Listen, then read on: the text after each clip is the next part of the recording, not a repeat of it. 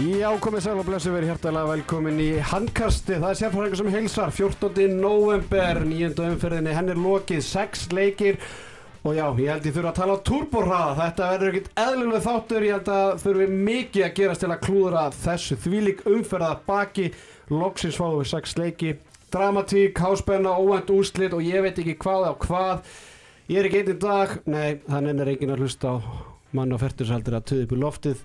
Með mér bræðurnir Hrannar Guðmundsson og Jóhann Ingi Guðmundsson. Við erum hjartalega velkominir báðið tveir. Takk hérlega fyrir. Takk hérlega fyrir það. Hrannar, síðast ákastum við Gaupa bróðinum og núna ferðu hérna eldri bróðurinn Mér er svo gaman að hitta þessu týndu bræði minna hérna. Skil það vel Indislegt, indislegt Skil það vel. Herðu strákar ekkert eðlilega góð umferða baki. Við erum að koma bara strax úr tveimur leikjum Tveimur leikjum í hás, Herðu, ég ætla að koma ykkur óvart og við ætlum bara að byrja í breiðoltinu og við ætlum ekki að ræða neitt um þann leik því að íringar get ekki búið upp á IRTV. Hvað er það? Ég held að það sé bara netlaust í húsinu Nei, er það að tjóka það? Nei, Ok, ég ætla að vera að djóka þú sagði ráðan sko Nei það er vanda, þetta er nýtt hús og það er vandar að tengja Já, eitthvað að tengja það er þetta græja. tvö- það er náttúrulega ennþá bara 2022 þannig að, já, ég skil.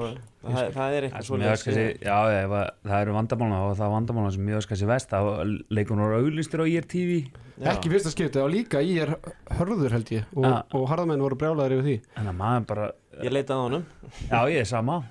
Sko, það sem, ég- það sem ég held sko áður en að ég held að að djóka hérna fyrir þáttur og sagt að það veri netlust að svona, ég manar því að ég var með grótuna fyrst ári ég var ekkert að stressa mig á því að gróta haukar væri ekki í, í beinni og allir væri að horfa á það sko, þannig að veist, ég er svona ímynda með hvort að ég er ekki og Bjarni sé ekkert að stressa sig við því að, að já, leikir þeirra séu síndir í beinni en ég mynda svona leikur, það er bara synda að hafa ekki séð sekund úr. Maður hefði viljað gera það. Alveg engi spurning. Það hefur verið betra, en, en við erum allavega með tölfræði og við getum rætt um hitt og þetta strákar uh, Hrannar, þú, þú, er nú hei, heim heim, neða, hæg heim á tökjum hjá þér varandi þessu lið, þannig ég ætla nú bara að gefa þér orðið, jættefli í, í, í, í breiðaltinu Já, bara stór punktu fyrir í er en svaðaleg klúri afturlítið góð að tapa hérna einum punkt.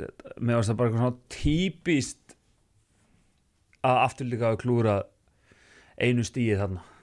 Og hérna þú veist, ég hafa náttúrulega hvað var fimm bolta varðir eh, hjá afturlítið hann bara hann bara erfitt að vinna þannig leik þannig en varnarleikunni afturlítið var heldur ekki nógu sterkur og þetta var bara, já Ertu með skýslu úr breiðaltinu það? Nei, ekki þannig bara það sem maður heyrði eh, tók púlsun á nokkrum árundum hann stutt síðan leikur á bú- búinn og bara, já, Já. það er bara í og samaskapi og, eh, mikið hrós á íringana, það voru bara drullu sprækir og drullu góður uh, veist, Arnar Freyr þegar hann hittir á daginn sinn þá er hann einn besta skitt á Íslandi þú veist, Gekkjaður. en að þú veist, og hann var á deginu sínu og var frábær Viktor um miðinu var mjög góður Óli varði hérna flott í markinu þannig að þetta var bara flott stig hjá ír en samanskap eru þeir svektir að ekki klára leikin sko. Tölfræðin segir að Arda Freyr Guðmundsson hafi verið markaðastur í Eirík með 10 mörg úr 15 skotu, Viktor Sigursson með 6 og, og Freyrik Hólm 5 mörg Ólaður Rapp Gíslason með 12 varða bolta hefur ofta átt betri leiki með 27% markvæslu hjá afturlíku Jón Kúkobátt með 4 varða bolta og Brynjar Vignir Sigurjónsson 1 varinn bolta. Tetti Ponsa verður ekki stoltur af þeirri frammeðstöðu hjá litla frenda. Blær Hinnarsson markaðastur Ásand Birki Ben og Otna Braga með 6 mörg, jó, við tölum aðeins um þetta fyrir þáttinn, það er stutt á milli. Er fyrir, hvað, bara nokkru dögum það voru blamir ykkur það í Íringa myndi ekki ná fleiri stig á tíðabulinu, svo bara mætir eitt heitasti lið deildarinnar í, í breiðaltið og, og jættum liðistan þetta er, ég menn þetta er bara þetta er ótrúlegt Ég mér þetta bara rosa kredit á Bjarna og Íringarna mínu matti sko. Er, þeir eru ekkert mikið að stressa sig virðist vera á svona segja, umræðinni tapa með hvað, 12 mörgum í eigum um daginn eða hvað það var og, og skelli hér og þar þeir halda bara áfram og svo liði mæti ekki klára í skóasæli þá bara lenda þau í vandræðum sko. en það, við höfum báður unnum með Bjarna og, og hérna og gaman líka bara að sjá hvernig Bjarni er að tæk, tækla þetta liði í er núna. Þú veist, enga væntingar og sama, sami Arnafrey, Arnafrey er ekki í þessu núna til að ná fyrir aðtunum sko, hann er bara hérna að spila fyrir uppeldisfélagi sitt og bara hafa gaman eins og margir af þessum strákum. Þannig að þú veist, bara flott að sjá. Já, þetta, er, þetta var ekki þannig bara fyrir hlustendur að íringarnir hafi verið undir alla leikin og veginn náða að grísa sig á þetta uh, þróun leiksins, jú, jú, afturleik komst hann í 7-5 í miðbygg eða í byrjun fyrirháleiks komast í 10-7 mest á 11 mínútu, mikið skora upp af leiks en, en síðan bara úr 10-7 fyrir staðin í 11-10 fyrir Íringa á einhverju 7 mínúta kabla og eftir það þá leiða þeir bara, ég meina þeir komast í 16, 13, 17, 15 rétt ári flautaði til hérna háleiks, svo eru þeir bara yfir nánast allan hérna setnáleikin, jú, vissulega afturleik næri komast yfir hérna einhvern veginn hvað tímyndu fyrir leikslokk og, og við heldum nú að þá væri si- sigurinn unnin en, en langt í frá og, og svo er þetta bara hálspenna lífsættu undir lokin, bæði liðtaka leikli nýta sína sóknir í, í lokin og það er bara kútos á íringa það er meira en að segja að skora þegar allt er undir og, og það er bara stigi í húi þú veist, það er, það er miklu meira en að segja það Þú þarf bara að mæti þessa leiki, það er ekkit öðru sem það. Já, það er, það er svona punktur hjá okkur svona fyrir, fyrir hérna þáttin hvort að afturlíka menn, bossa blossar, myndu standast hæpið og þú veist, ég menn Henry Birgi myndist á það í síðasta þætti þegar við vorum að að spá fyrir þessu umferð hvort að afturlík myndi standast já, hæpið innan gæsalappa og, og það er þetta bara krossa neyfið það. Og, og sama skapi kannski, ég voru gaman að sjá hvort í Írikandinn á að ná fleiri svona framistöðum fljótlega eða hvort þið detti aftur í þrjá fjóra slæma tabliki eða hvernig þetta verður. en ég meina þú veist um þetta snýst þetta samt sko, þú veist, hörður er inn í leikjum og það er verið þvílitt jákvæðin tala um hörðu undafarið og þvílika bætingar. En ég meina ég er ekki, þeir gera þetta bara hár rétt þeir bara drull á sig þrjá fjóra leiki Mhm. enginn hefur tróðað þeim, svo mæta það bara og þeirra saman stíð Algjörlega, ég meina það er líka bara svolítið saga liða sem falla, ég meina hversu oft hafa lið sem hafa fallið úr deildinu verið að spila vel, tapa kannski tíu leikjum við tímbölum einum til þremur mörgum, það er svolítið saga liða sem hérna uh, falla, en ég er að safna stigum og bara gera það vel sko. Uh, Íringarnir þeir eru komin með 5 stig og, og eru komin í tíunda sætum í jafnmur stig og gróta sem jú vissulega eru bara búin að spila sjö leiki en Íringarnir eru komin upp fyrir haugarna sem eru nú í fallsæti meirum það síðar. Þá var eitthvað meira um þennan leika að segja einhverja svona pælingar um bæði lið? Ég menna er þetta áhugjefni fyrir hérna Gunnar Vakrannar Nei, nei, það held ég ekki, þú veist, uh, bara næsti leikur hjá afturlýtingu og uh, Selfoss næst, sem verður bara hrikalega erfiðu leikur fyrir afturlýtingu. sá leikur er bara er búin að búið, búið að setja nýtt líf eftir þetta Algjörlega, þannig að, nei, nei, það er bara áfram með smjörið. það er ekkit frábært fyrir vinnin Jói Þór Ólafs að að mæta mósveldingum eftir, eftir þessa umferð bara heilt yfir. Hvað er svo leikur? Hann á það? hann er, eh, Hann er nei, hann er í pizzabæn Já, já, all right. talaðu nú í mikrofónin fyrst út komin ykkar Jói minn. Hvað er ég hérna? og talið til neðalega bara. Herru strákar, ég held að við bara getum ekki tala mikið meira um, um þennan leik bara frábært Rósa og Bjarnar Fritz og hann stráka Arnar Freyr. Já bara, ef ég væri með hérna trómbundar eða klappið þá feng, fengja það en, en við erum ekkert í, í þannig leikjum hérna Hann á ekkert lag. Nei, það er nóg lögum í þessum þætti og jafnvel tvö í, í næsta leik. Strákar, vindum okkur bara strax í DB Singurhöllina þar sem að Haukar og, og Valur áttust við Já, þetta var frábær leikur uh, á, á allan máta þú veist að mikið umtal um bæði lið í aðdrarða leiksins þetta var svona eins og þetta væri bara í úslæðikefni skilum við, þú veist, það er þjálfari skipti á haugunum tryggva garðasmáli, við förum yfir þetta allt saman engar ágjör af því strákar. En áður förum í leikin þá verðum við aðeins að ræða vistaskiptin hjá Rúnari Sigdriksinni þjálfara hauka og sem er náttúrulega eins og flestir vita hætti með liðið eftir já, afróð í kýpur og e, búin að taka við Þíska búndislíkuleginni Leipzig sem að Viggo Kristjánsson leikur með. Ekki fyrsta skipti sem er Rúnar fætti Þíska lands Áskjörðun Hallgrímsson er búin að taka við liðinu. Ég er með kenningu um það að Rúnar Sigdrikson hafi sami textan um uh, af læginu veistu af mér með hugin og ég hrættur um það að Þíska búndislíka meira sem svarar um í læginu hlustum aðeins á textan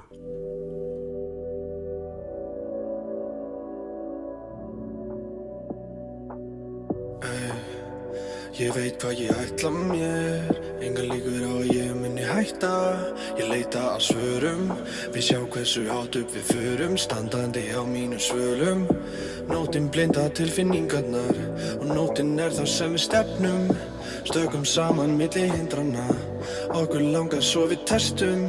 Stundum forust við hvort annað Gerum hluti sem að má ekki.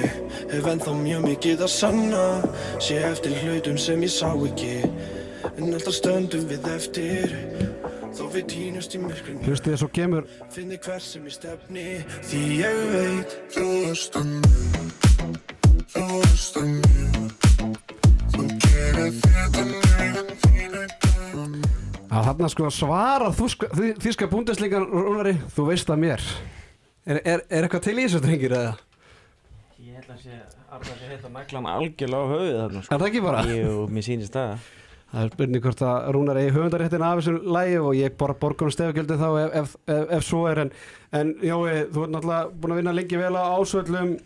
Þessi vistarskipti Rúnars til Þýskalands og áskjörörn inn, bursi frá svo leik í kvöld. Hvernig svona snerti þetta þig? Ég sé þetta bara sem Ég bara ra- í raun og veru fyrir haugana Þetta gat ekkit eh, þetta bara Dream come true held ég sko. Já, það er svolítið ljótt að segja En ég, að segja, ég held að þetta sé bara svona algjör svona ble- blessun fyrir haugana og blessun fyrir rúna líka þetta bara svona ég held að þetta sé eins heppilegt og bara hægt er fyrir alla aðeila sko. Það Mhm. þarf ekki að reyka neitt eða fara okkur svakalega krísufundi. Þeir eru, hann er keiftur af haugum þeir fá pening hann, hann er komin út og búin að vinna tvo leiki og, og það komið aðeins meira eða tölvöld mikið meira spirit strax í haugarleiði sko. Heldur, að, heldur að þeir hefðu farið að rífi gikkin eða, eða hefðu það ekki verið algjörlega Ég, ég hef ekkert fyrir mér í því, ég mig grunar hann að verið komin í hans í djúpa hólfi með, með liðið, sko, þetta leit hann út fyrir mér eins og það var ekki, hann var ekki að fara í auðvelt verkefni að koma sér upp úr þessu. Mhm. það var bara svo neikvæður svona andi yfir þessu haugum þetta var steingelt það vantaði að- veist, allt líf í þetta svo maður sá bara þessu leikli hjá Ásker því lokin á mm. veist, hann var, var svo þú veist, það var mikið undir á hann, svo mikið spyrrit og náttúrulega veist, þessu Ásker gaf alveg skín í líka viðtali núna í vikunni og eins, ef að þessi saga er rétt að hann neitaði náttúrulega haugunum í sumar þannig að þú veist, þá er Ég er líka skrítið svo Rúna var komið með þetta, töði yfir svona eftir leikjöf, töði um einhver að maður sé ekki að skuttla sér á okkur á bolta og eitthvað svona sem að þú kannski veit frekar ekki. bara inn í klefarum Já, sko. já, akkurat, það er svona svolítið af svoleiðis kommentum, sko. saumaklúbu kommentið og þetta Já, það fór vel vist í hansi marga. Herðu, en allavega Áskjör Örn Hallgrímsson velkomin í Ólís-deildina ágætis frumraun en uh, þurftu þó að býti það súra eppli að tapa gegn völsurunum 34-32 komið Ben, bendi mér á það að báðir hálfleikinni fóru 16-17 aðteglisert það.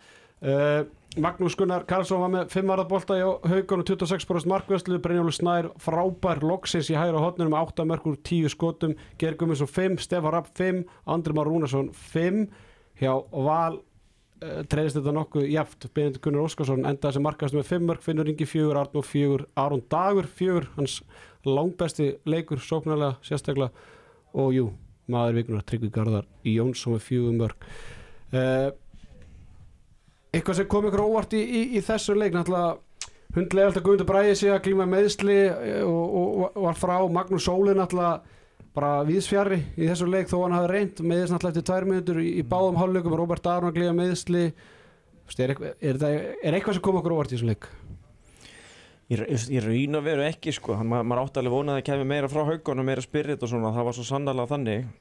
En það sem að það sem maður kannski áskera á eftir að glíma við það er bara, mér finnst bara margir leikmenn vera með ómikið af svona mistökum bara í sér. Svona ljótum feilum og dýrum augnablikum og svona, já, breytist það veit, Já. ég veit það ekki. Já, já, og ég menna að þú veist svona skýrt dæmi undir lokin alltaf þessi línu sendi ekki Ólaf Ægi þarna eru fjóra mínútur eftir þeir fá marki baki og allt í hennu eru valsarðunar tveimörkum yfir staði fyrir að vera í tækifærið bara til að jafna ekkert að sendingunni eða skilum mér, momentu var til staðar bara skot frá bara- andramá, gólskot þarna, uh, svo bara já. Þetta er dýrt En, en, svona bara svona jákvæð tækna á loftu eins og ég sagði í lýsingunni veist, frábær varnarleikur hjá haugu sérstaklega í, í setnahjáleik og ég meina að valsarðu var bara ofta tím í þvílíku vandræðum bara að skora mör vanda hjá haugunum bara heila nokkra bolt að varða sérstaklega svona rétt um augnablikum það er stundu betra. Ef þú veit, eða skiljið svona þegar að standa þetta þarna, ég er ekki að tala um einhverja, einhverja show-off markuslur, heldur bara svona taka rétt um boltana bara í 6 og 6 skiljiði, og konum með hendinu upp þarna ídrega og svona, og svo kemur eitthvað skýta mark sko. þetta haugan er bara í byllandi basli með markvísluna já, ég er bara sammála því, sko. Lita hann er ekki búin að hann er búin að valda svona ég veit ekki við hverjum að bjóst Nei, nei, hann er allavega ekki búin að sigra deildina eins og Nei. komið er Nei. og lítur ekki út fyrir að hann sé að fara að gera það en, en það er svona, einmitt komið líka óvart, hann, hann byrjar í markinu hann er tekin út af bara eftir hvað rúmlega tímyndur Mhm. skilur mig, þú veist, það var, ekkert einhversu bolta sem hann átti að verja endilega, skilur mig en, en Ég segi mig það að Magnús er sennilega bara að verja jafn mikið eða meira en hann sennilega á æfingum og, og, og svoleiðis. Ég veit ekki með Stefán Huldri sem hann var upp í stúku. já, hann er að glíma með meðsli sem hann varð fyrir á æfingu og, Svo hef ég, hei, ég hef nú heyrt að Aron sé nú eitthvað aðeins að braggast. Vonandi, vonandi bara kemur hann haugana vegna aftur inn í markið sko en það myndur náttúrulega bara breyta þessu rosalega hérna, miklu ef Aron Rapp kemur í marki en maður veit bara heldur ekkert á hvað stað hann er í dag bara hérna veist, eftir hugag og svona. En hérna, mér veist líka bara 6-0 vörnin hérna, góð pæling, Stefán Rappn og Heimir þú veist, saman í þristón og hann verður þá eitthvað lífskilið þú veist, svo agressív á bakkur og þetta er svona það er eitthvað þarna sem svona, sem kveikt í manni að við að horfa á hann leik sko. Já, þeir eru eftir að haugarnir með, með, með þessu team spiriti og svona, þeir eru eftir að klifra upp þessa töflu eitthvað, það er bara spurning hversu hátt er nú að fljúa. já, eins og staðin, á, eh, eins og staðin núna eins og ég benti á, hann í fallsæti eftir nýju umferðir. Ótrúleg staða.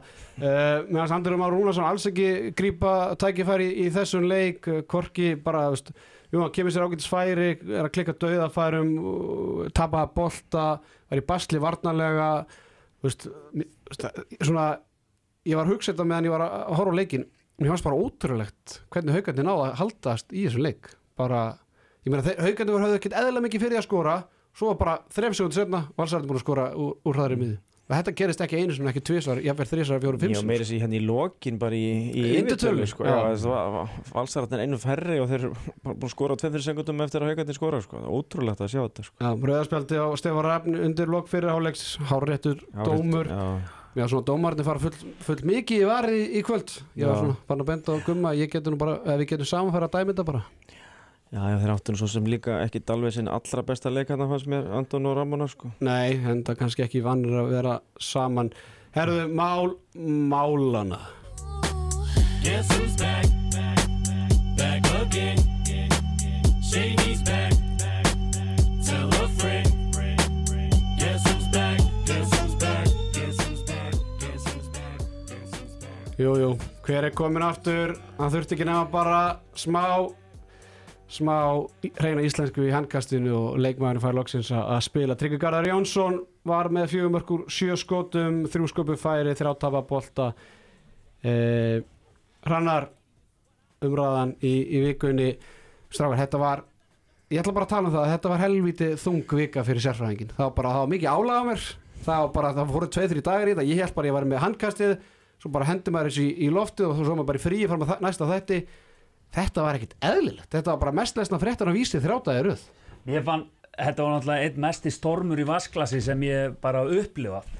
Og hérna, það sem ég líka bara það sem ég finnst kannski smá í þessu bara með valsara, þú veist, þú ert bara komið pappa þjálfarans á Twitter, brjálaðan gamla leikmenn, eitthvað svona þú veist, Valur, þetta er langbesta liði á Íslandi, þeir að gera vel í Evrópu, þetta er með langmesta budgeti í dildinni hvað varð um það, bara hugsa stórt og bara áfram með lífið. Að því að Tryggvi Garðar hann kom einhver smá kommentu Tryggva Garðar það var bara allt vittlust og þetta er, þetta er sko þetta er, þetta er líka dæmið þegar Stefán Rapp kom með kommentum ungarskalið hann fekk bara valsherin á sig.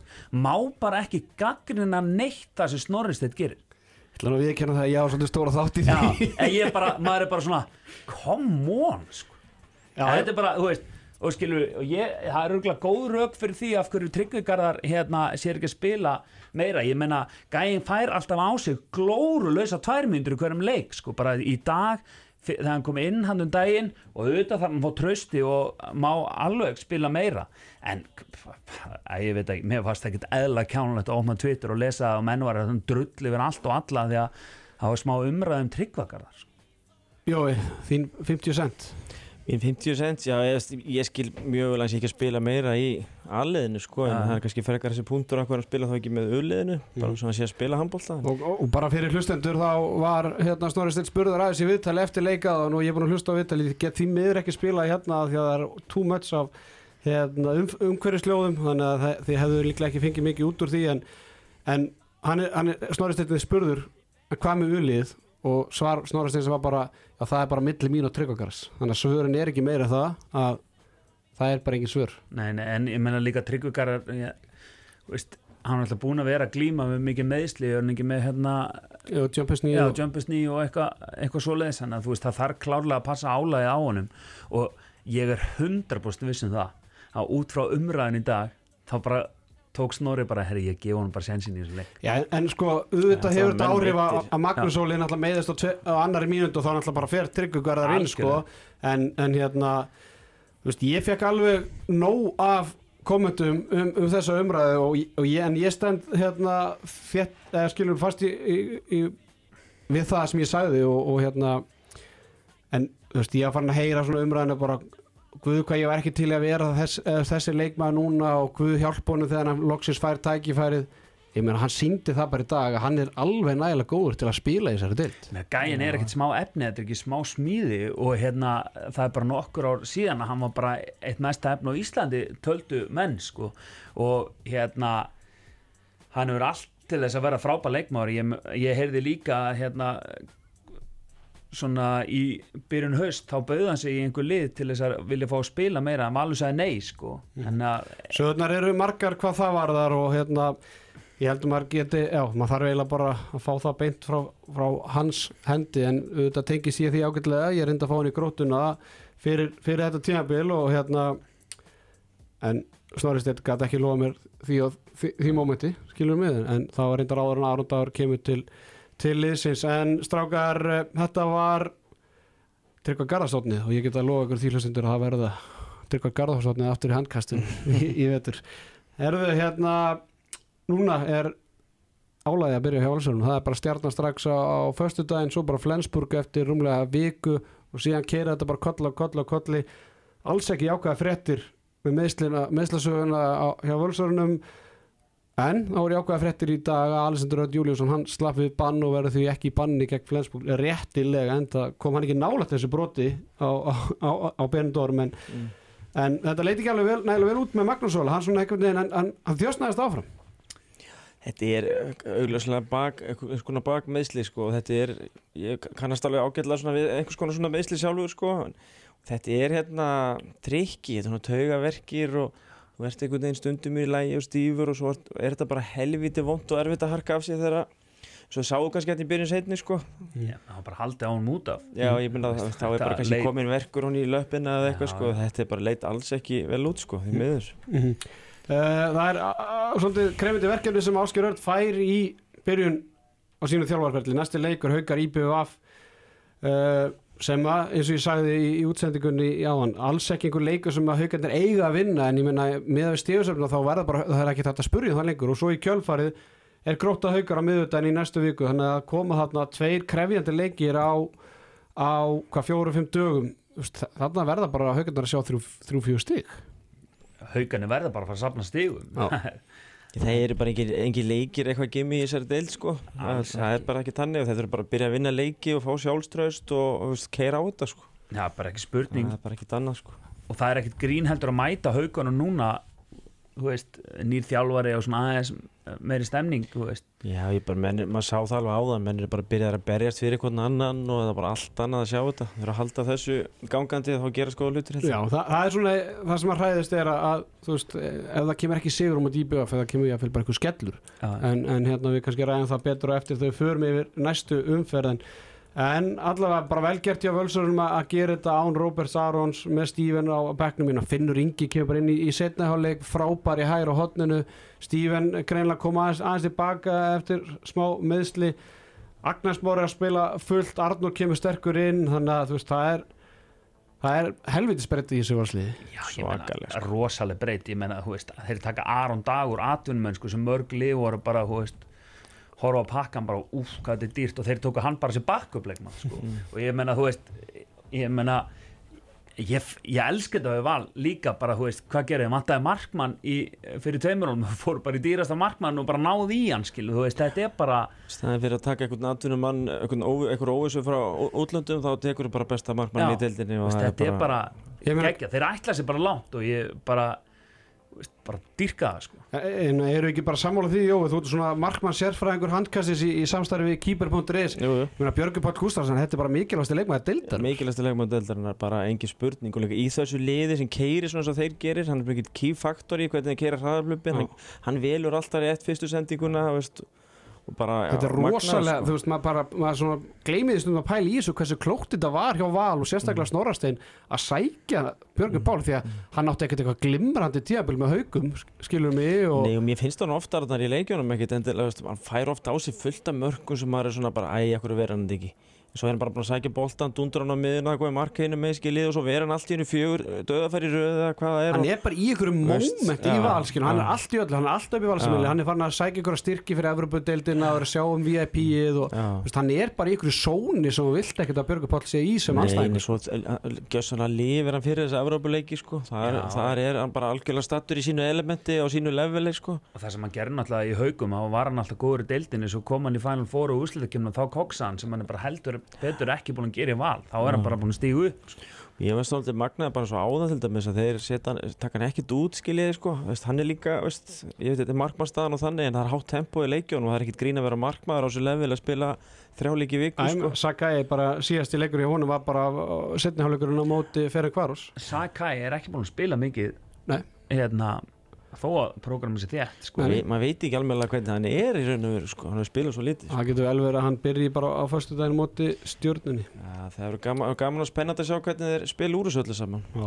algjörlega Það er þrautið þingri fyrir Snorra Steina púsla þessu öllu sama sérstaklega þegar leikmenn eru að glíma við meðsli þeir eru náttúrulega bara með 16 geggjaða leikmenn sko. Þú veist, þetta er ekkit eitthvað backup liði ég menna, þeir eru bara með 2-3 frábæra leikmenn í hverju stöðum sko. Já, já, algjörlega, ég held að, ég held að það sé erfitt að neyta því en allavega, valsararnir, þeir halda áfram að sigra og eru bara í ágættu stöðu á toppi deildarinnar eftir nýju leiki með 16 stig. Haugarnir 5 stig í tíundasæti Vindum okkur til Vestmann eða þar sem að eigamenn unnu gróttu 34-31 eftir að hafa leitt í háleik 16-15 ótrúlega sigur eigamanna eftir að já, bara IBF voru hundlélegir í þessum leik. Höfðu það bara alveg á, á hreinu og bara algjör synd að að gróta skuli ekki bara nýta sér það betur. Hrannar? Sammála því, sko það sem mér fannst kannski úr þessum leik líka svolítið, þú veist, gróta með 15 tapaða bolta og marga hverja glórulösa og ofan á það eru þessu glórulösu skot. Uh, mér fannst gróta bara uh, sjálf þessu vestir voru ekki kortir eða 20 mínútur eftir að þá voru þeir að leiða með einu marki. Þá kom bara eitthvað röð fárlegur ákvæmna Daniel Griffin var að hérna taka einhver glórlu skot og þetta bara hraðalöf í baki Já, og sjálfsögðu kvikna á Rúnar Kára og hann bara hamra og hamra og það, það var ekkert að stoppa hann sko. En Griffin er 2-8 Lúðvík sem spilaði uh, hvað fyrstu 20 mínútuna hann með þrjátapa hann að Ake með fjóratapa og veist, þetta er bara alltaf mikið á móti svona góðu liði sko. Já, já, og hérna, þetta, þú veist, hérna, án Birgir Steinsson er alltaf komin úr, úr gifsinu og var á bekknum en hann losnaði bara úr gifsinu tvenduðum áður. Uh, Þorgi Bjarki Davíðsson frábær í hægra hotninu með 7 mörgur 7 skotum og Jakob Ingi Stefansson frábær áfram í vinstra hotninu með 6 mörgur 7 skotum. Einar Baldvin Baldursson frábær í einni marki í gróttu en það er algjör synd að þetta hafi ekki duga til að minnstakosti einn stiks hjá eh, var Petar Jókanins með 8 var að bolta alls ekki frábær framist að þar er Rúna Károsson já tökum hann aðeins utan sviga klárum þetta. Kári Kristján með fjögum mörg og Daniel einnig Rúna Károsson hann ætla bara að vinnur þannig að leika á sitt einstæmi veist hann setur bara upp sjó og, og veist, ég held að hann hafi verið skora hvað 5 eða 6 mörg af einhverjum 7 mörgum hérna frá 40 og 50 til 50 og 50 mínúti ég meina hversu mikilvægt og hvar væru IBF á Rúna Jói? Ég er verið svona bara í talsverðu vesinni en ég held einhvern veginn, að ég veit ekki þetta er eitthvað svo íbjöfaflegt samt svona skiljið á, já, já, á miði já. tímabili þetta er eitthvað svona, þetta er drullu lélegt á köplum og svo kemur allt í nú góðuleikur, svo koma tveir lélegir og svo kemur einhver úrslutakefni og þá er þeir bara að fara í úrslutaleikin sko. Veist, ég meina IBF náttúrulega er það lið sem byrja hvað minnsta virðingu fyrir þessari deild sko þannig að við ættum eiginlega ekki að tala um þá sko maður líður alltaf einhvern veginn að þeir eru bara búið til einhverja breytt og spilur rosa mörgum mönnum og veist, þetta er svona alls konar einhvern veginn sko. En ég, ég finnst skrítið samt að séu ekki með einhvern veginn og þeir eru með svo ógeðslega gott lið að þetta er marga góða leikmenn Mér finnst magnaður sé með Petar einan í markinu sem hefur ekki verið samfærandi síðan hann bara kom til landsins hérna fyrir hvað, þrejum, fjórum árum Já, og Jóhannes Esra Ingolson hann kom inn á þarna okkur tíampunkti var með eitt væri bolta varði þarna til að byrja með svo næsta skot þá mista hann inn og þú veist þetta var ekki Ég myndi ekki vera með svona gott lið og vera með þessa stöður svona slaka sko. Þeir náttúrulega sömdu við Petar til þryggja ára fyrir síðast hann á þetta pluss eitt? Ég bara verið ekki, ég skulle ekki vera með einhvern annan með hann skiljið sem að svona, veist, eins og, eins og veist, hann var alltaf alveg að bakka hann uppi hann bjössi sko. Eins og ATP var hann með Steffen og Aron Já, það var ekki fyrir en að Steffen meitið sem að þetta fór að ganga hann meðlega en hérna sko, ég ætla að spyrja ykkur byrjulega í BF er það nægilega gott til að vera að berjast um Íslandsfestara titilin? Já, þeir náttúrulega svo fá þeir sigtrygg inn eftir áramót. Já, ef hann kemur tilbaka. Já, ef hann kemur tilbaka. Já, mér finnst það. Þeir eru með geggja lið og þeir eru líka með mikla hérna reynslu í hópnum. Hérna dagur, hvað er hann búin að spila marga krúsa leiki, Kári, Rúnar þú veist, þetta er hörku lið sko. og breytt, einnig og svo er Arnór báði færingarnir fínir þetta er bara Já. margir góði leikmenn sko. Spurningum, spurningum fyrir ekki að grífa fram fyrir spurning kannski akkurat með byrjunliðið mitt skilur en hvort snýst þetta um byrjulega eða breytina? ég held að snúist bara meira um breytina þegar þú ert komin í play-offs og eitthvað einn er ekki alveg að finna sig þá getur einhver annar komið inn og sett fimm mörg skiljiði og, og þessi Erlingur hlutir. rótir er alveg sko. Já, já, og, Og ég- býr til þess að breytleika sjálfur sko. Ég held, að, Benny Bounty hafi mér svo sett á Twitter og svona setja spurningamerki og við höfum náttúrulega talað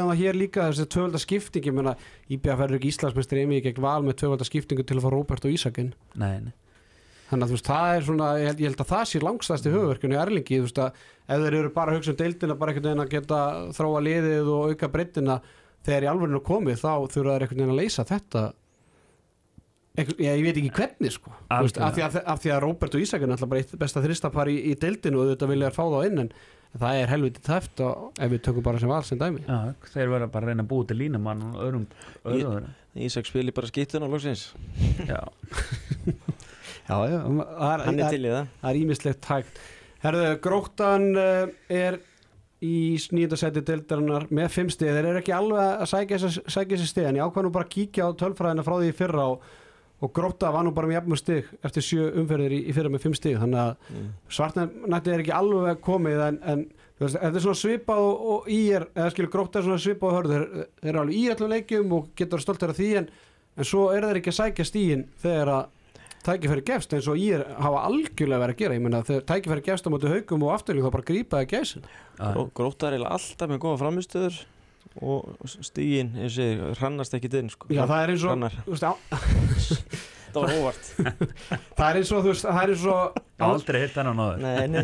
Það er eins og hérna án þess að vera eitthvað búin að pæla í hvort að slæmikablin sé rosalega slæmur af því að þú veist þeir eiga fína framistöður ofta tíðum og, og, og, og ég tek, tek þessi dæmi, ég meina þegar þeir lenda einhverju tveim þeirrum undir, undir lokinu, ég vil fjórum þá fara þeir að kera hraða miðju skilur mig, en svo þeir voru yfir einu yfir, og þú veist, þá fóru alltaf að hæja á og þá var orðið alltaf þungt skilur mig þannig að það er svona Það sem ég finnst samt með gróttu, mér finnst þetta samt alveg svona skemmtilegt að horfa á það, þú veist, þetta er svona léttlingandi og þú veist, já, já, ég er full að trúum og það sem ég held líka sko sem uh, gæti, ef við horfum á stöðunu í dag, kemur minn í úsleitakemni, ég menna Káa eru bara alls ekki að spila vel, Haukar eru alls ekki að spila vel, Selfoss eru alls ekki að spila vel og Hörður og Í er, veist, hérna verða hérna 9. 10. 11. 12.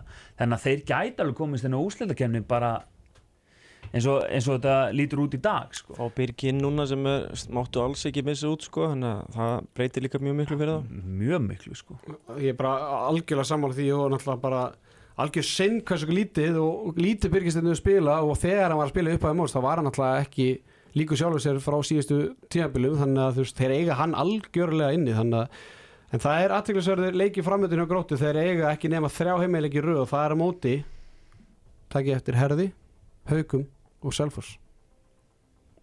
Úff, þetta eru bara krúsja leikir. Já, ég meina þú veist tímabilið það er ljótt að segja það getur bara verið farið og það er ekki komið desember. Ef þeir sækja ekki að minnstu kannski fjóra púnta þannig pældi þið að vinna bara allast að þrjá leiki. Já, þá er náttúrulega bara bara komin í Já, já, og svo, svo er ég að káa úti í kjölfarið sko. Já. Þannig að og í er síðan, í- þú veist, þetta er þetta eru fimm bara úrstætta leikir sko. tryggt sér úsleikemni bara Tíu stig. Og ég get alveg, þú veist, ef, ef ég tala hans út frá, frá mér, þú veist, og ég ætla að vona að þeir gera sjálfur, skilur mig og, og þeir átti sig á því, þú veist, þarna myndum við bara setja upp lítið hraðmút skilur mig, burs, burs frá þessu leikir sem eru búnir nú þegar, þú veist, þetta eru bara fimm leikir móti öll, öll liðin í kringu þá. Mm. ég meina, þetta eru bara krúsjaleiki fyrir þá Fimm og, úrslutaleikir já, og það er bara eins gott að, að, þeir fara að sækja stíin í ákvæmt að Birgistedt sig farin og gifsi, ég er nú ekki viss um að nái samt harðar og, og haugaleikjum ég held að þeir séu svona að setja já, ég myndi halda að þeir séu að reyna að horfa fram á Selfossleikin 27. november ég held að það er því svona framar björtustu vonum.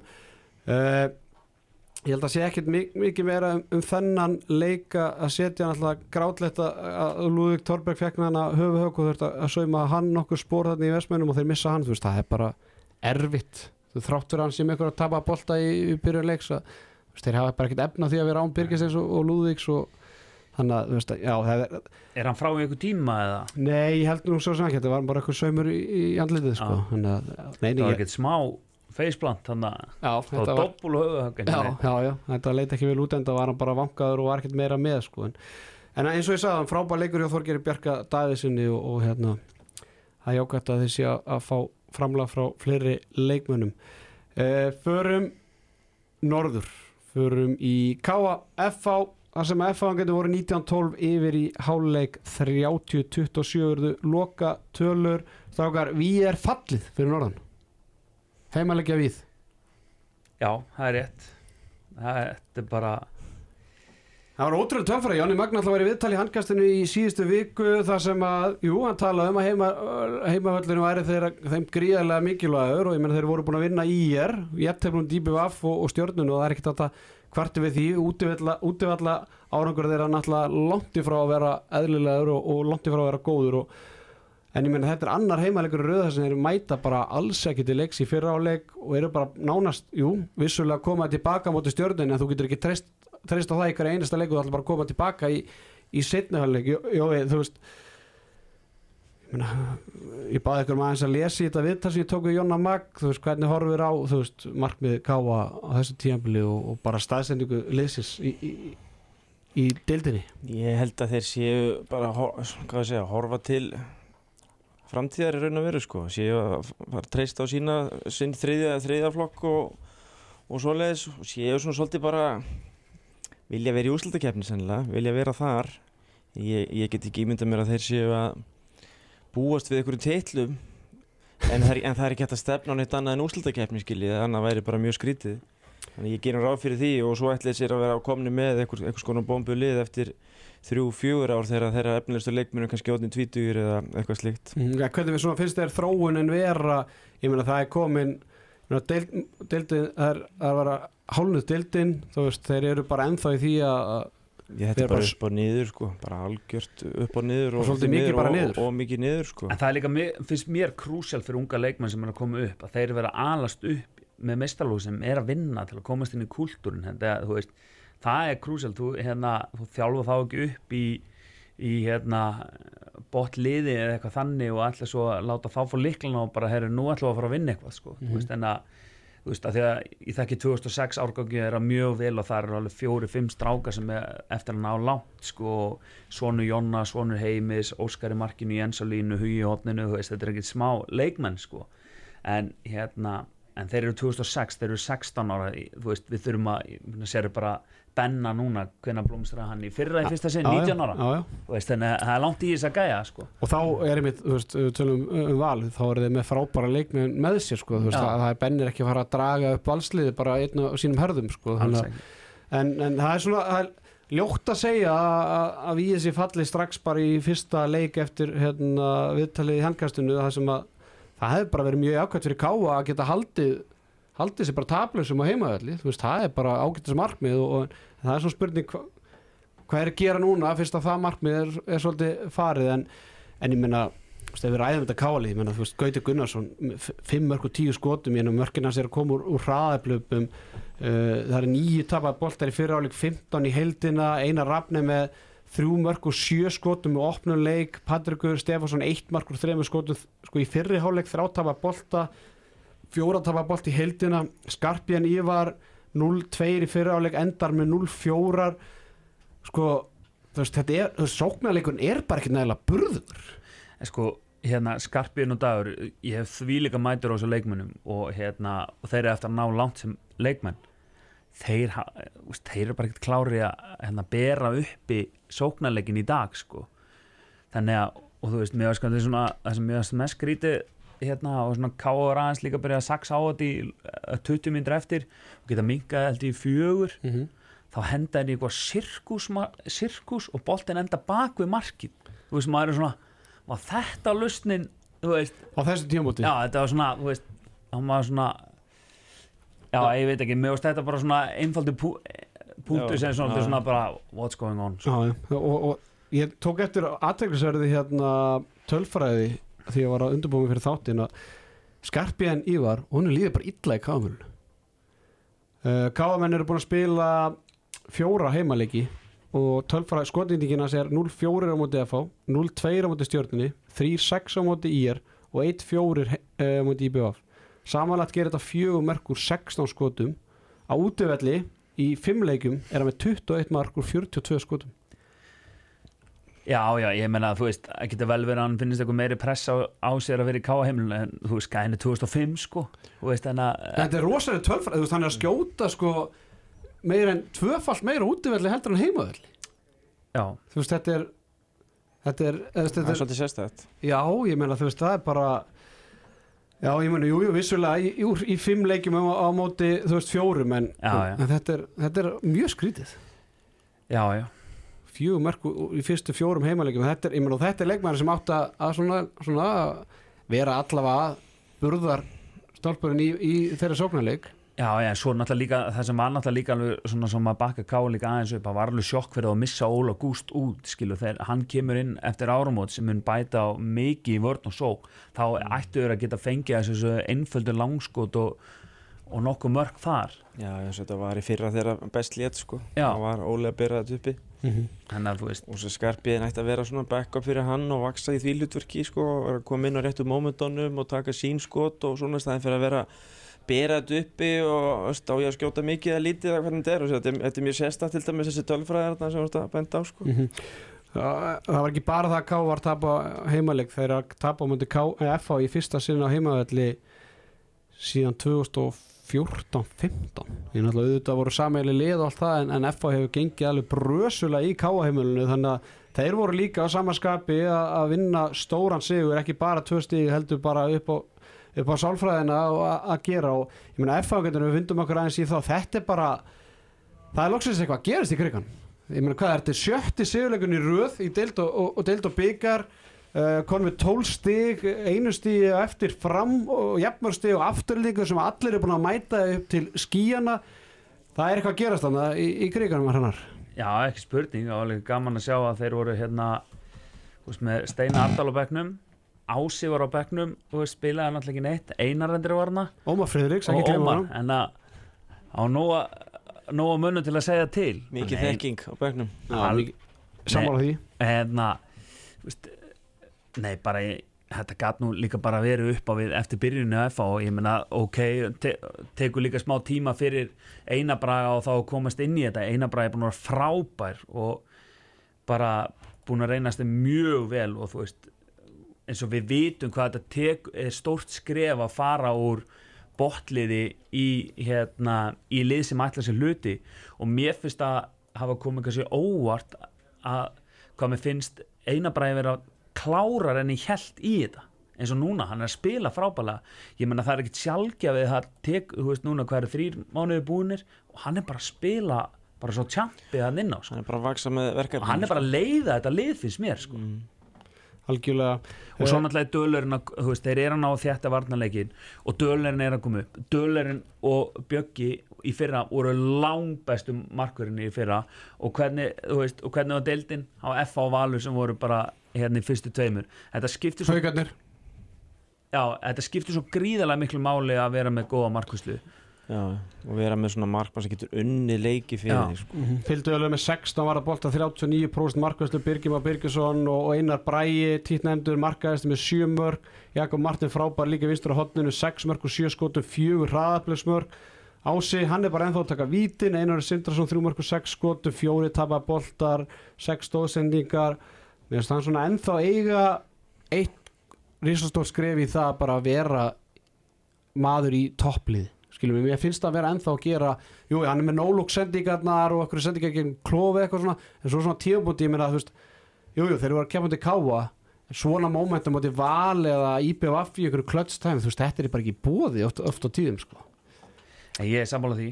Að, en, en allavega frábær sigur og, og það var bara eiginlega ótrúlegt hvernig þeir voru nánast búin að kasta þessu leik frá sér. Veist, eins og ég segi, staðan í hálfleik minna bara nokkuð sannfærandi hvað voru þeir sjömörkum yfir 1912, það var ekkert sem sagði það. Jú, vissulega gæt, gæt maður sagði sér jú, Káa kom tilbaka mútið stjórnunni en Káamenn, þeir minka munin í tvö mörg 28-26 þegar þrjálmyndur eftir dagur tapar boltanum og þú veist, það- en- en- þetta var svona það hefði alveg getað bara endað í jættefli sko. Já, já.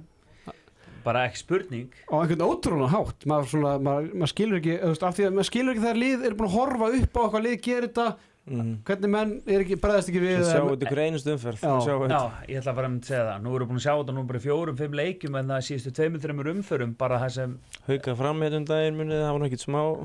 Já, bara stjarnan káa og sjö, munaði sjömörk þú veist þetta.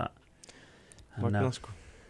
En sjötti sigur, sigurleikur FH í röð og þeir eru tímarlaust heitasta lið deildarinnar á þessu eh, á þessu meina þeir eru bara með sjöleikja Mm. hérna raut eða grænt strík þannig að það er ekki að byggjum meira uh, vindum okkur á Ísafjörð þar sem að hörður og fram áttust við í æsuspennandi leik þar sem harðarmenn voru tveimarkum yfir 18-16 í hálfleik.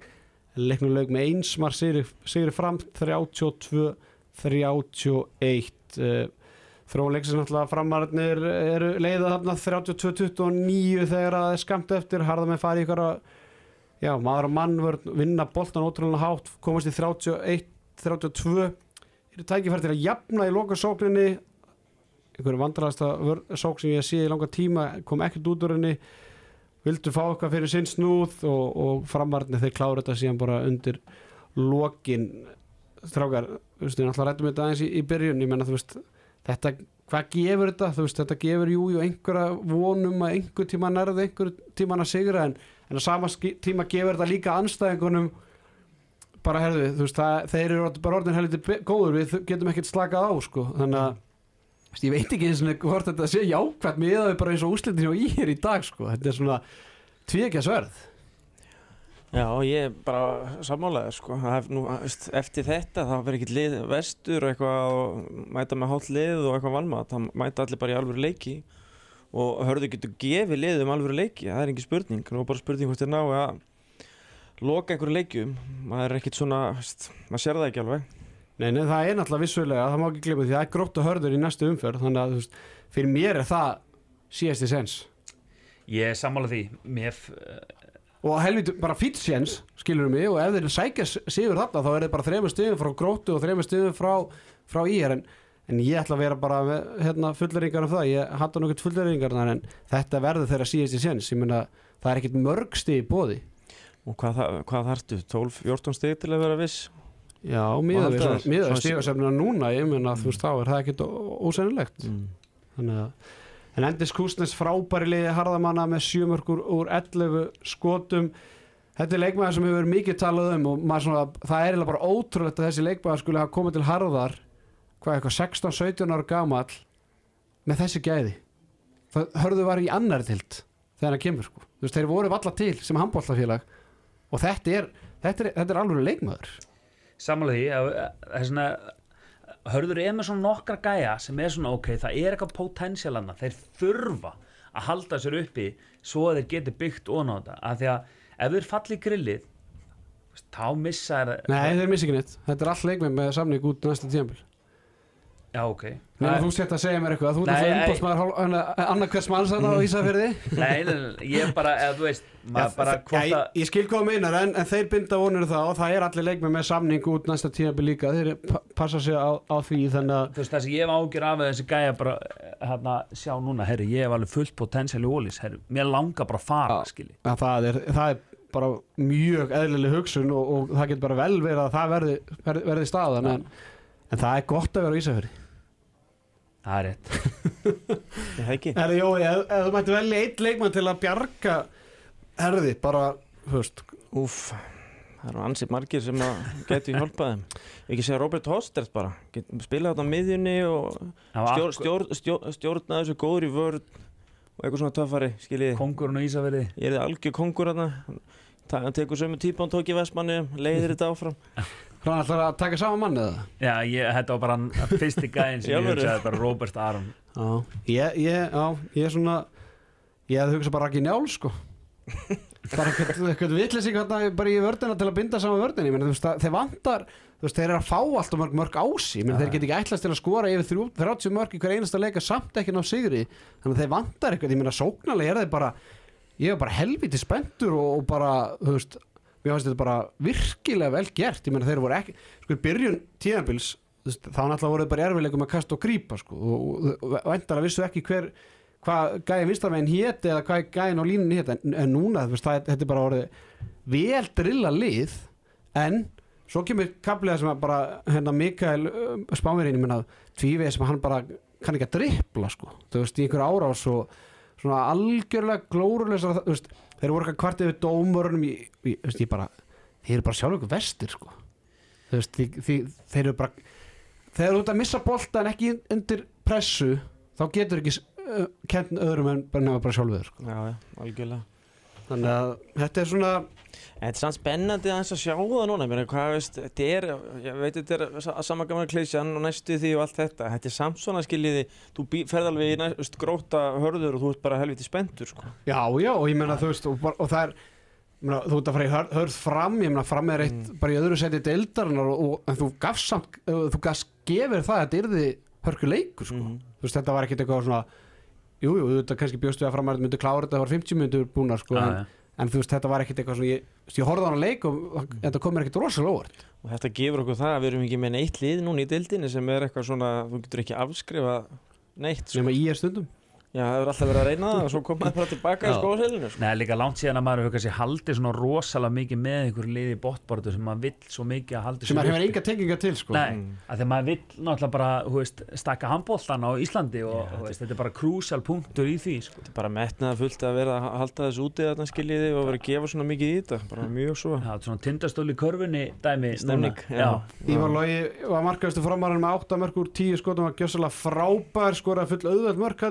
Stemning, núna. já. Ívar Lógi var markaðustu framarinn með 8 mörg úr 10 skotum var gjössalega frábær skoraði full auðveld mörg hann upp af leiksins sem skoraði eitthvað 4 mörg í röð á nærhóttni á Róland Kjartan Þór Júliusson 6 mörg úr 9 skotum og Lúka með 4 mörg þetta eru 10 mörg hann úr hæri skiptinu Marko Korets með 4 mörg úr 5 skotum Markbeðarnir voru með 12 varðabolta strákar þessi sigur fram þú veist, jú, jú, vissulega á móti neðsta liðinu en bara það að ná í þessu tvö stig og í þessu vera, vera búin, ég held að Einar Jónsson sé bara svona 5 kílón léttari bara eftir þessa umferð Mm, og ekki mátti hann við í að missa 5 kíló. Nei, ég, ég samvar því eftir bara mikið af göngutúrum í gegnum hérna síðustu vikur og mánuði en, en ég meina þú veist, afturhengar tapar stíðum út í ég á sama tíma fram fer bara í hörkuleik og í þessu vera að klára þetta bara þannig að Ekki dósvipaða leikir, sko. nei, Þetta er bara svona akkurat leikur, þú veist, bara skýt saman hvernig hann spilast, við þurfum bara tvö stig. Mm. Þú veist, bara, Svo bara áfranga. já, áfram gakk.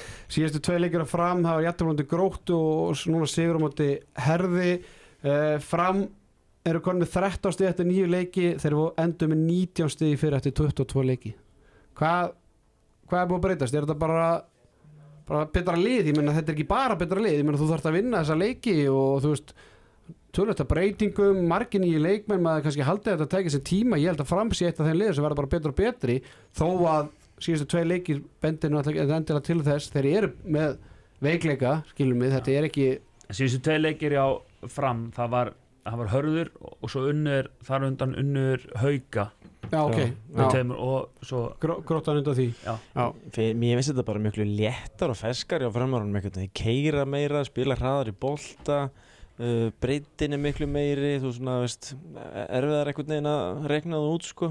Samlega og þá bara svo eina Jón sagði byrjum móts að þeir væri búin að breyta eins mm. hérna planu sín og ætlu að keira miklu meira.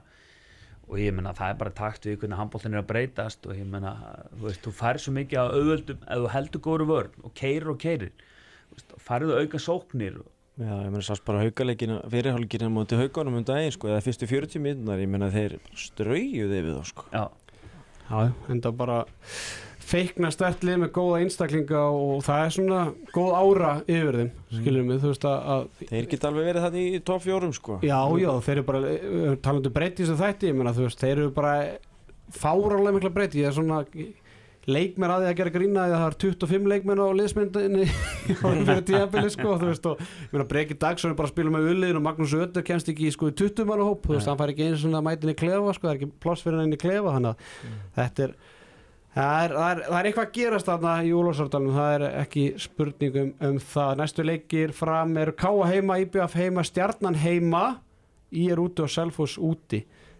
Stara, ég, ég er nei Nei, ok, ég veit að þeir munu eitthvað, en ég meina þú veist, þetta eru þrýr heimaleikir, skilum við, þeir eru sterkir heimaðalli, Þetta er áttastig 8 af 10. Já, það kemur ekki dóst Pælti því, ég meina, þú veist, þá er þið bara, þá er þið bara með ein, eða, tvo tapa leiki fyrstu, hvað, 14 leikjum?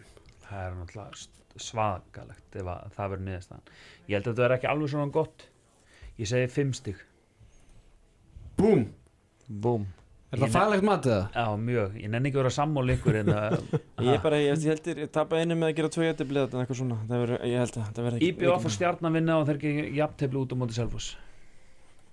Já, ég skal, ég, en þá ætla ég að samanskapa svara því að það er því bara, alg- eða er bara vombriði fyrir fram sko, að fara í þetta, þetta leikjaprogram og ná ekki fleiri en fimm stig úr því sem komið er.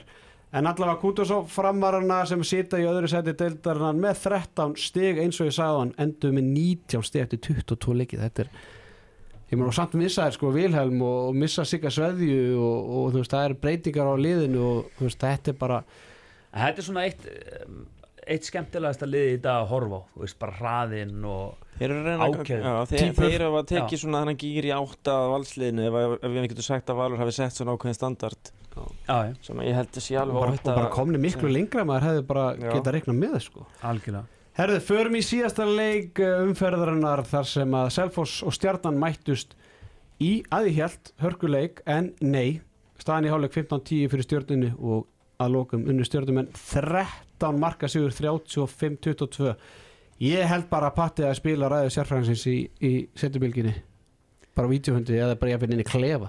Ég meina, þetta er nákvæmlega sem ég var að tala um þú veist, þeir bara gjössalega niður lægðu selfisinga á sínum frábær sko. stigu aldrei af bensingjunni sem hefur svolítið vantað svolítið, þú veist, Svolítið, já, svolítið mikið? En að þetta var bara frábært og ég veit að þessi sigur gaf þeim mikið og nú er bara upp upp og áfram að halda þessu áfram sko. Þetta er svona getur leveli á þeim finnst manni, svona átta bara alltaf að vera sko.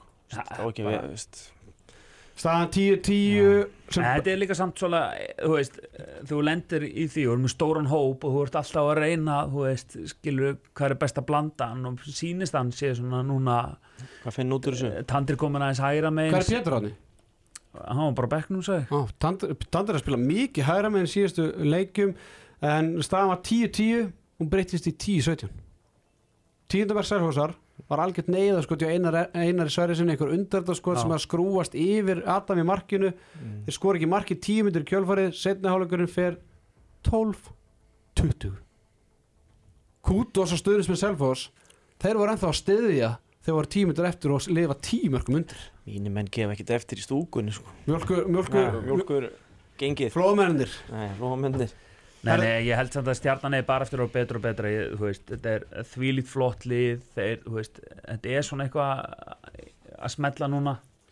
Já, ég var hugsa þetta fyrir hérna ég spáði stjórnunni sigri í, í þessum leik og hérna, ég var eitthvað að hugsa, ég man ekki hvort ég sagði einhver handkasti eða í setjubilginni það var að vera að tala eitthvað um stjórnunni, ég var ekki tilbúin að þú veist, dæma þá eitthvað svakalega þú veist, ég, þetta er frábært lið, skilur mig og þeir voru eins og ég sa- sagði í setjabylginu í handkastinu síðustu þú veist, þeir voru frábærir á móti K og IR þrátt fyrir að, að gert jættöfli á móti K ég meina þeir eru frábæri fyriráleik þeir eru frábæri fyrir, þetta eru þrýr bara ég meina, ef það er ekki stór sigur fyrir þjálfara að liði sér að mæta tilbúið til leiks þú veist, hvað þá, þú veist, hvað viltu meira? Skilum við, þetta viltu klára alla leiki og þetta, en þú veist það er eitthvað mikið í, í gangi og, og, og mér varst, það er eitthvað í gangi í honum sko þú veist, það er, þú veist, hann var að rýmandi menn upp, þú veist, það er attitude, þú veist, hann er að bera þetta upp algjörlega og, þú veist, ég sagði reyndar hérna í, í viðtalið við Jonna Maggi síðasta þetta, ég hef tekið viðtalið við Gunnar Stein ég tók reyndar viðtalið við Tandra eftir fyrstum fyrir setjubilginni þar sem hann var búin að frábæri og ég spurði um, um markmið ég meina, þú veist og við tölum um það, og já, þú varst náttúrulega í fyrsta þættuna sem að fyrirsögnu var bara stjarnum með bestmanna liði, mm. skilum við það eldist ekki rosa vel að Nei. tíamóti, það getur verið fallegt en það einhvern veginn eftir árumót en ef það er ekki núna sem Tandri ætlar að lifta einu byggar þó það væri ekki nema bara í byggarkefninni hvenar þá? Þú Veist, það, það er bara hver að vera síðastur Tandri. Björki, Gunnarsteinn með stjórnun, já já, já, og bara ferlinum Tandri var náttúrulega sem mestar maður Já, ég er að segja núna bara, þú veist, Já, að já. lokferðisins skilur mig bara að, að klára þetta minna, þú veist, þú gera það einu sem þú vilt gera það aftur algjörlega, ég meina að þú veist þessi hópur Þessi fópur er ekki settu saman til þess að vera í fallbarátunni sko. Nei, Það er stefna hreinu. úslitakefni ég meina að þú veist, þetta er bara Þetta er bara er bara að vinna. árangur. Að, og það er allir meðurdagur um það og ég meina Tandri hérna er, þú veist, tóða mennu Tandri og gleit mesti liðsmaður sem hún finnur á Íslandi þú veist, Ég var til að fá Tandri hörð. Ég held að hann geti hjálpa herði. Hann var bótt frábært þar. Já, Það ég er þú veist, það. góð, góð viðbót við- ágætt viðbót Sérstaklega fyrir íslenska kjarnan. Já, aðeins að sterkur í klefanum og þetta. Herði, en allavega, mér var stjarnan hérna svara svolítið kallinu sem sérfræðingur af nokkuð ljóst að þeir hlusta bæði á handkastu og voru á setjurbylgjuna þannig að bara uh, til hangi með segurinn drengir.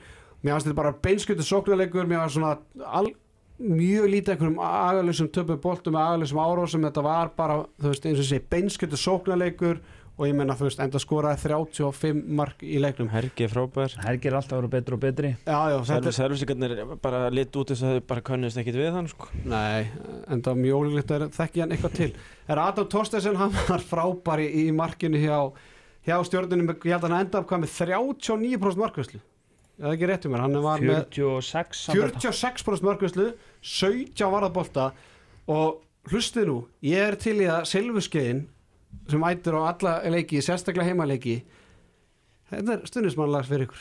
Jeg er da pisselig glad Adam, åh Adam Mit navn er Adam Og alle synes jeg er så klam Adam, åh Adam Mit navn er Adam Og alle synes jeg er så klam Suttalegt lag Viltu fá bara. tóndæmi, sko Ég væri til að þetta væri sko Adam og Adam.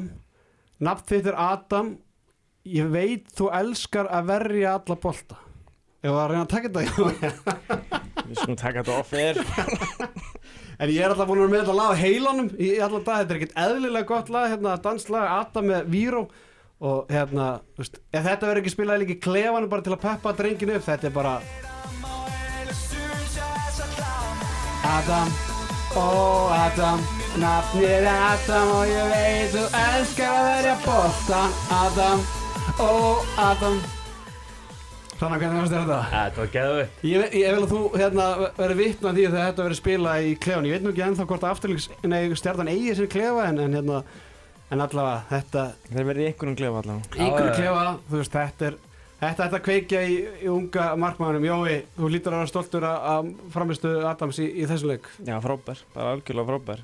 Ég býst einhvern veginn bara alltaf við því að hann verði vel sko. Mér finnst hann bara að vera það góður sko Rosalegt svona presens í markinu, bara töffari skiljiði og bara veist, Við rifum aðeins upp söguna þess að hann alltaf uppalinn í IR og, og svo bara Bóla Bjarni Friðsson og Hrannar úr, úr íþróttinni Hrannar, Það var ljótt. Nei. Hrannar farin úr stúdíónu Nei, nei, hann var náttúrulega í einhverjum öðrum flokk í er hérna í fótballstanum í sétildinni og hérna held hann eitthvað ferið þar, maður held að það væri nóg þegar Barcelona var að byrja að hafa áhugaður þú voru 16 ára. en, Það hefði duðað fyrir einhverju, ja? já, en hann bara geggjaður bara hann er skemmtilegu karakter guruglaður og bara frábær markmaður. Þetta er oft þeir sem verða bestir í markinu Þetta er oft svona típur sko. Já, Við vorum það þannig, bara svona ákveðna típur. Bara ekki spurning. En ég, hann, ég held, hann er framtíðan landsmarkmaður Íslands. En hann þarf samt alveg að, þú veist, hann, það er alveg langt í land Það er að halda áfram og bæta sig. Hlustum aðeins aftur á þetta mit navn er Adam Og alle synes jeg kan mit kram. Adam, åh, Adam, mit navn Er eitthvað, Danir segir Adam? Eidem, Eidem. Eidem Ég er að fara beint heim að þetta þessi á playlista minni í rektina þetta, þetta tekur aðeins nokkur, nokkur kíló en ég skal lofa þér því. Herðu, hérna, selfinsingarnir, þetta er þonnir hópur af leikmönnum. Þórir hefur fengið hrós fyrir að að vera að stækka hópin og, og nota, nota allan bekkin en ég meina, þú veist, fyrirfram fyrir þetta tímabil þá svona hljótar af hortið stjarnan heimavelli þetta er leikur sem við viljum allavega gera betur en að tappa samfærandi með þetta mörgum júi Já, algjörlega ég, finnst þið ekki þurfa Þú átti ekki, öst, liðið svo selfos og ekki þurfa að tapa svona fyrir neinu lið og ég held ég viti það nú best sjálfur sko. Þetta virðist vera með selfos eins og kannski nokkur önni lið í deildinni Þetta er bara eins og hjartalínur sko. Þetta er bara upp og, upp og niður sko. Það er alveg ótrúlegt sko hvað eru mikla sveiflur í framistöðum sko. Ég, ég meina það er ekkert eins og heldur að Selfoss sé með eitthvað eh, sé með eitthvað grín lið, ég meina Guðmundur Hólmar Ísa Gústafs, Einar Sverris Rasimas í markinu, Atli Ævar veist, Strópus hann sem backup leikmaður mm. veist, þetta er alveg lið og náttúrulega Raggi ekki og þú veist, já. Svo byrjar að rúlla og, og Þórir hikkar ekkit við það að spila á begnum eða spila á yngri mönnum og þá koma bara helviti slæmi kaplar því miður sko eins og staðan er sko. Það er svona, það er sama á hvað maður lítur bara á leikjaprogram hjá þeim liðum sem við höfum farið yfir. Þetta er allt rosalega spennandi, ég meina selfinsingandar eiga núna uh, útileikum mútið afturleiku og mútið gróttu í næstu tveimur leikjum eiga síðan FH og fram og heimaðalli fyrir jól. Þetta eru fjóri leiki sem eru bara já, eins og ég segi við erum búin að eh, tala einhver tvo, þrjá svona um tvö, svona, tvö, þrjú lið þetta er bara heldur mikilvæg leikir af því að veist, segjum eins og gróta útivelli afturleik úti, veist, þetta eru liðin sem að maður hefði fyrirfram haldið að vera að berjast í kringum. Veist, þarna þurfa að fara að segja stig. Selfoss gæti tapa öllu svo leikjum já, hæglu bara nokkuð hæglega. Svona var líka voða öðvöld að segja það eftir þessa ég framistöð meina Selfoss vinnu grótt í annar umfyrir 28-27 það sem að gróta eru bara heldur laskaðir sko. ja. þannig að, fyrir utan val þá geta öll lið unnið hvort annað í þessari deild. Já, fyrir utan kannski hörð eins og staðan er núna skilur við Já, þeir, þeir er allavega ekki múin að sanna að þeir geta unni leiki fyrir utan hörð og val. Já, að það er nú bara heldur vel á sér, vel á sér vikið. Uh, Jó, þú varst inn í fyrstu umferðinni og hérna veist, nýju leikir búnir hjá selfisingum, nýju stig fjóri sigurleikir, eitt í aðbyrjulega fjögur töp. Ég sagði síðast þætti hvort að selfis var ekki svona í, í barátum að vera sjönda besta liðið skilum við, finnst það líklegt að verði nær því að berast frekar um að vera bara að komast í úslættikefni eða Ég held það, já. Ég held að þetta sé bara svona þarna, skiljið. Þeir eru bara í þessum pakka, 7, 8, 9. Þeir verði í einu af þessum þreymur sætum. Já, og, og það getur svolítið fyrir jól það, sko, ég var, ég, ég var nokkuð vissu það að eftir nýju umferðir þá væri línufarnar að skýrast það er náttúrulega blekkir þetta svolítið að sumlið er búið með sjöleiki, sumlið átta og svona en þetta er svona nokkuð veginn farið að skýrast ég menna þú veist, auðvitað veit maður ekki gróta á þessa leiki inni á móti herð, eða næsti leikur móti herði og svo haugum þannig að það geti margt, margt breyst en, en núna þú veist, það eru þrjú stif á milli Káa og, og Selfoss skilur mig og, og Káa er nú ekki að sækja mar, marga punta en ég er nokkuð veist um það um, þegar, þegar að þá verður línufarnar að skýrast Haukarnir er eftir að breyta eins þessari töflu held ég. ég. Þeir verði ekki þarna. Þetta verður Selfoss Káa gróta sem verður að berjast um 8. seti Já. Haugan er komist alltaf í úrslit Það held ég líka. það verður ekkert, FH syndrom Nei, nei, fótbolta syndrom En það gerist ekki sjálfur sér. Það er bara þannig sko. Já. Herði, ég held að það sé allt komið úr uh, þessum leik og yfirferð okkar úr nýjöndu umferðinni. Henni er lokið, en þátturinn er hvergi nærri lokið. Jón Ingi Guðmundsson í samstarfi við Keeper.is, þú hefur valið topp 5 lista yfir efnilegustu markmenn landsins. Já, Jón, þá er ég svona að taka svolítið ól í steildina Það hafa Adamlæði undir eða? Já, það er ekki- ólíklegt að það komið í loklistar Herðu, ég hef ekki bara, vend, hef ekki bara að dempa okkur í þetta. Jú. Ég hef með Arnón Máni Daðason í fymta seti Já, uh, bætt sér mikið frá því fyrra. Og er hérna bara búin að finnst mér að hafa sínt góð tilþrif í deildinu og er bara vel þess virði að hafa hann þarna á þessum lista. Já, fjóraðsæti Fjórðasetti Alexander Hrafkelsson, Selfoss Ég vil sjá þannig strákvar ég bara lána næsta ári yfir í svona aðeins sterkara hvað sé ég, koma sér í svona aðeins meiri spiltíma. Hann er svolítið erfið stöðu á þarna Selfossi með, með Jón Þórarinn og, og hérna Vilmas og hérna hann á skilið að vera þarna. Þriðja sæti. Bruno Bernard, Káa, ég finnst þetta flottu strákur. Bruno Bernhard í, í Káa Fættur hvað, 2002 2002 Já, mm uh, og bara töffar þessi strákur, ég trúi á þessu gaur. Ætt, ættir að regja frá Pólandi Já, Ekki löglega með ís, íslenska landsliðinu. Nei, það er staðan á því. Öðru sæti. Jón Þórarinn. Jón Þórarinn Þorsteinsson Er ekki rétt hjá mér? Ég heldur betur. Já, á er- Já, 20 ára gamall, mjög promising-strákur, finnst mér.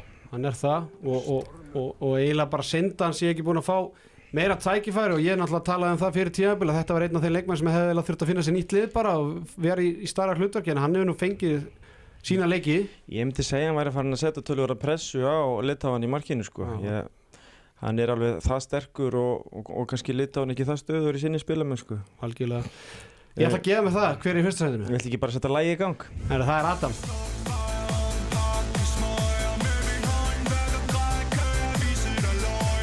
Herra, Adam Thorsteinsson, það er efnilegasti markmaður landsins að mati Jóhann Inga Gummarsson, hvað getur sagt okkur? Við ætla að rettum aðeins um hann áðan en, en hversu langt getur Adam náð? Ég er bara að koma sér í sko. Ég vona hann hafi áhuga á því. Þá er það bara engi spurning. Það rennur aðeins rætti yfir annan lista frá 5 upp í 1, jói Arnó Máni, Alexander Hapkjöls, Bruno Bernard, Jón Þórarinn og Adam. Er hann sterkur í af, afturöldingu, hann Brynjar líka, ég hef lítið séð með hann núna og glíma við meðsli og annað, það er alveg strákur sem hann geti, geti náða langt líka. En Adam Thorsteinsson vel að þessu vikið og það er nú ekki slæmt að eiga eitt lag um sjálfa sig frá Dananum, Víró Uss.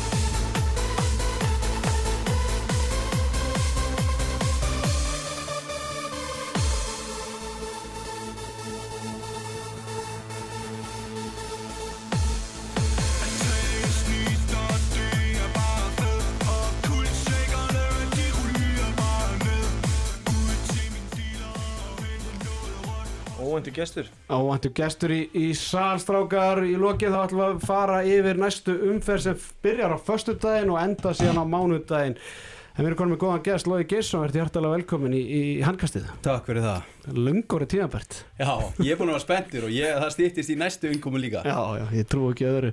Herðu, vindum okkur í næstu umferð uh, föstudaginn, þá hefst Veislan Valur Stjarnan. Ég ætla bara að fá merki frá okkur öllum, jó, við byrjum á þér Valur Stjarnan, 1x2 Tveir. Wow, Lói, Á valsmenn taka þetta, það er einn. Hrannar? Valur tekur þetta. Einn á, á, á hrannar. Á laugardaginn fara fram þrýr leikir og í kjölfari ætlum við að taka upp handkastið og fara yfir þá fjóra leiki sem eru þá búnir. Byrjum á fram káa Jói, Fram, tekur það. Einn. einn á framarana Lói Gersson Það er einn, þeir sem eru að veðja Takið alla spána mína, ég er ægilega alltaf með alla leikir rétta varstu með, varstu með aldrei rétt í kvöld eða? Nei, ekki ég er leikin, ég er með einn, einn hérna rángan Já Hrannar? Já, einn. Já, lítill trú á káamörnum eftir að við fjall fyrir norðan í þessari umferð. Stórleikur á ásöllum þar sem Áskjör Örn Hallgrímsson fær Erling Richardson og félaga í IBVF í heimsókn í Jói, haukar IBVF Einn. Það er tveir Þú, Já, IBJVF er alltaf að fara að vinna hauka Þarna ásöllu núna, eins og staðan er. Já, ég sé tveir líka. Já, það er Þetta verður aðtæklusverð viðregn IBF náttúrulega að- að koma úr, úr erfiðum leikum átti gróttu þar sem að spilamennskan eins og sögum hann og annu ekki upp á marga fiska. Hörkuleikur á nesuna þar sem gróta mætir herði. Það var nú aðtæklusverð að vita hvernig þið spáið þessum leik. Jóhann Ingi Guðmundsson. Mér langar að segja X En En ég ætla að segja Ég ætla að segja tveir. Eru þið búin að vera sammála? Þetta er bara, nú, er komið leik. að þessu Ef þeir ná góður í byrjun, þá vinna þær hann leik. Klaka til að bera spána okkar loga saman. Einn Einn á grótu Einn á gróttu segir Hrannar, svo förum við á mánudaginn þar sem að F-fáingar taka á móti sjóandi heitum íringum Jói, Þetta er klárt einn. Tveir nei, þú ert að djóka Hrannar Nei, ég dróða mínum mönnum. Herru, er þetta faglegt mat eða? Mjög faglegt. Ah, ok. Herru, Myndur, myndur leggja peninga á þetta? Ég er búin að Nú, það er svona Það er vel gert. Út á seitlói Herru, síðasti leikurinn afturhilding Selfoss, Jói Uh, einn, aftur öll klára það. Já, ég er sammála því.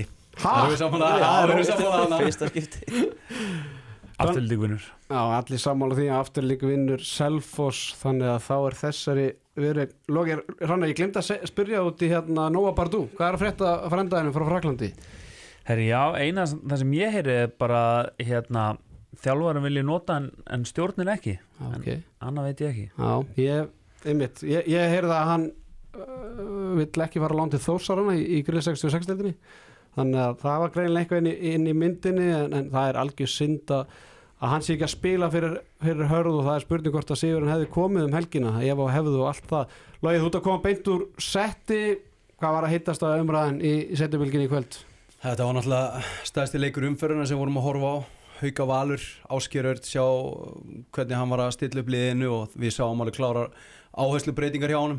Hvernig hann er að einfalda sóknarleikin og koma Adam Haug í, í, í hérna, flugbraut og, og það er svona ímislegt en Hauka með þessa markusli eru náttúrulega ekki að fara að gera mikið og eru náttúrulega núna bara í fallsæti þeir eru í næst næsta sæti, það er ótrúlega að segja. Þeir eru með fimm stig eftir átján möguleg Mm. það er, það er ríkalegt að sjá þetta. Með að við gæðin í hópnum að þá, þá það, þá held ég þetta sé vestabyrjun hauka frá aldamótum. Mm. Við sáum ekki hérna afturhildingi í er þannig að svo umfjöllin fór svolítið svona fram hjá okkur hvernig náðu Íringarnir í, í stig hérna? þetta var ótrúlega leikur uh, sko, eh, það var afturöldingi rauninni sem að jafnar á síðustu sekundum var, það voru hérna förðulegi dómar svo skoraðir hérna, svo skoraði ég er komast yfir uh, afturöldin keiri fram og Gunni Magd tekur leikli en á, á sömu sekundu þá skoraðir úr miðju.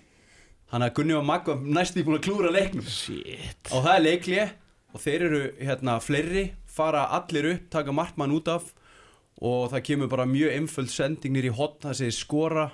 Ígor Kapinsinski eða Já. ekki? Svona stórkostlegur í þessu leik og bara, veist, þetta er bara leikmaður sem á að vera í bara búndislíkuna mínu mati. Það, þetta, var, þetta var rosalega illa framkvæmt hjá ír að að komast ekki fyrir þessa sendingu og þetta var ótrúlega skrítið leikur. Mm En uh, klárlega óvendustu úrslitin í, í þessari umferð og við vorum einmitt að ræða á hann. Þetta er stu, stutt á milli, ég meina bara síðastu umferð þá töluðum að Íringarnir myndur ekki ná í fleiri stig og svo bara mæta þær inn að hittustu liðum deildarinnar og eru bara bara nærið því að vinna þá sko. Já, afturölding mætti illa til leiks, voru bara slappir og náðu sér ekki í gang og vantar bara sjálfströst á meðan í er bara gaf allt í þetta það var miklu meiri keppni og hundur í þeim og það var bara það sem skildi liðin að og mér fannst þeir bara ekkert ná upp sjálfströst í leiknum, afturölding og þetta var náttúrulega, þú veist, maður er svolítið fljótur að tala alltaf um að afturölding það eru lélega en er spilaði bara frábæra leik og Bjarni er að kreista allt út úr þessu liði sko, stórt rós á hann. Algjörlega. Herra Lógi, það er ekkert eðlilega gott að fá þig og, og eins og segja, hann lungu tíðanbært þú ætlaði að koma hérna fyrir hvað, 2-3-4 viku síðan en hérna, það var eitthvað veikindi. Það var eitthvað veikindi.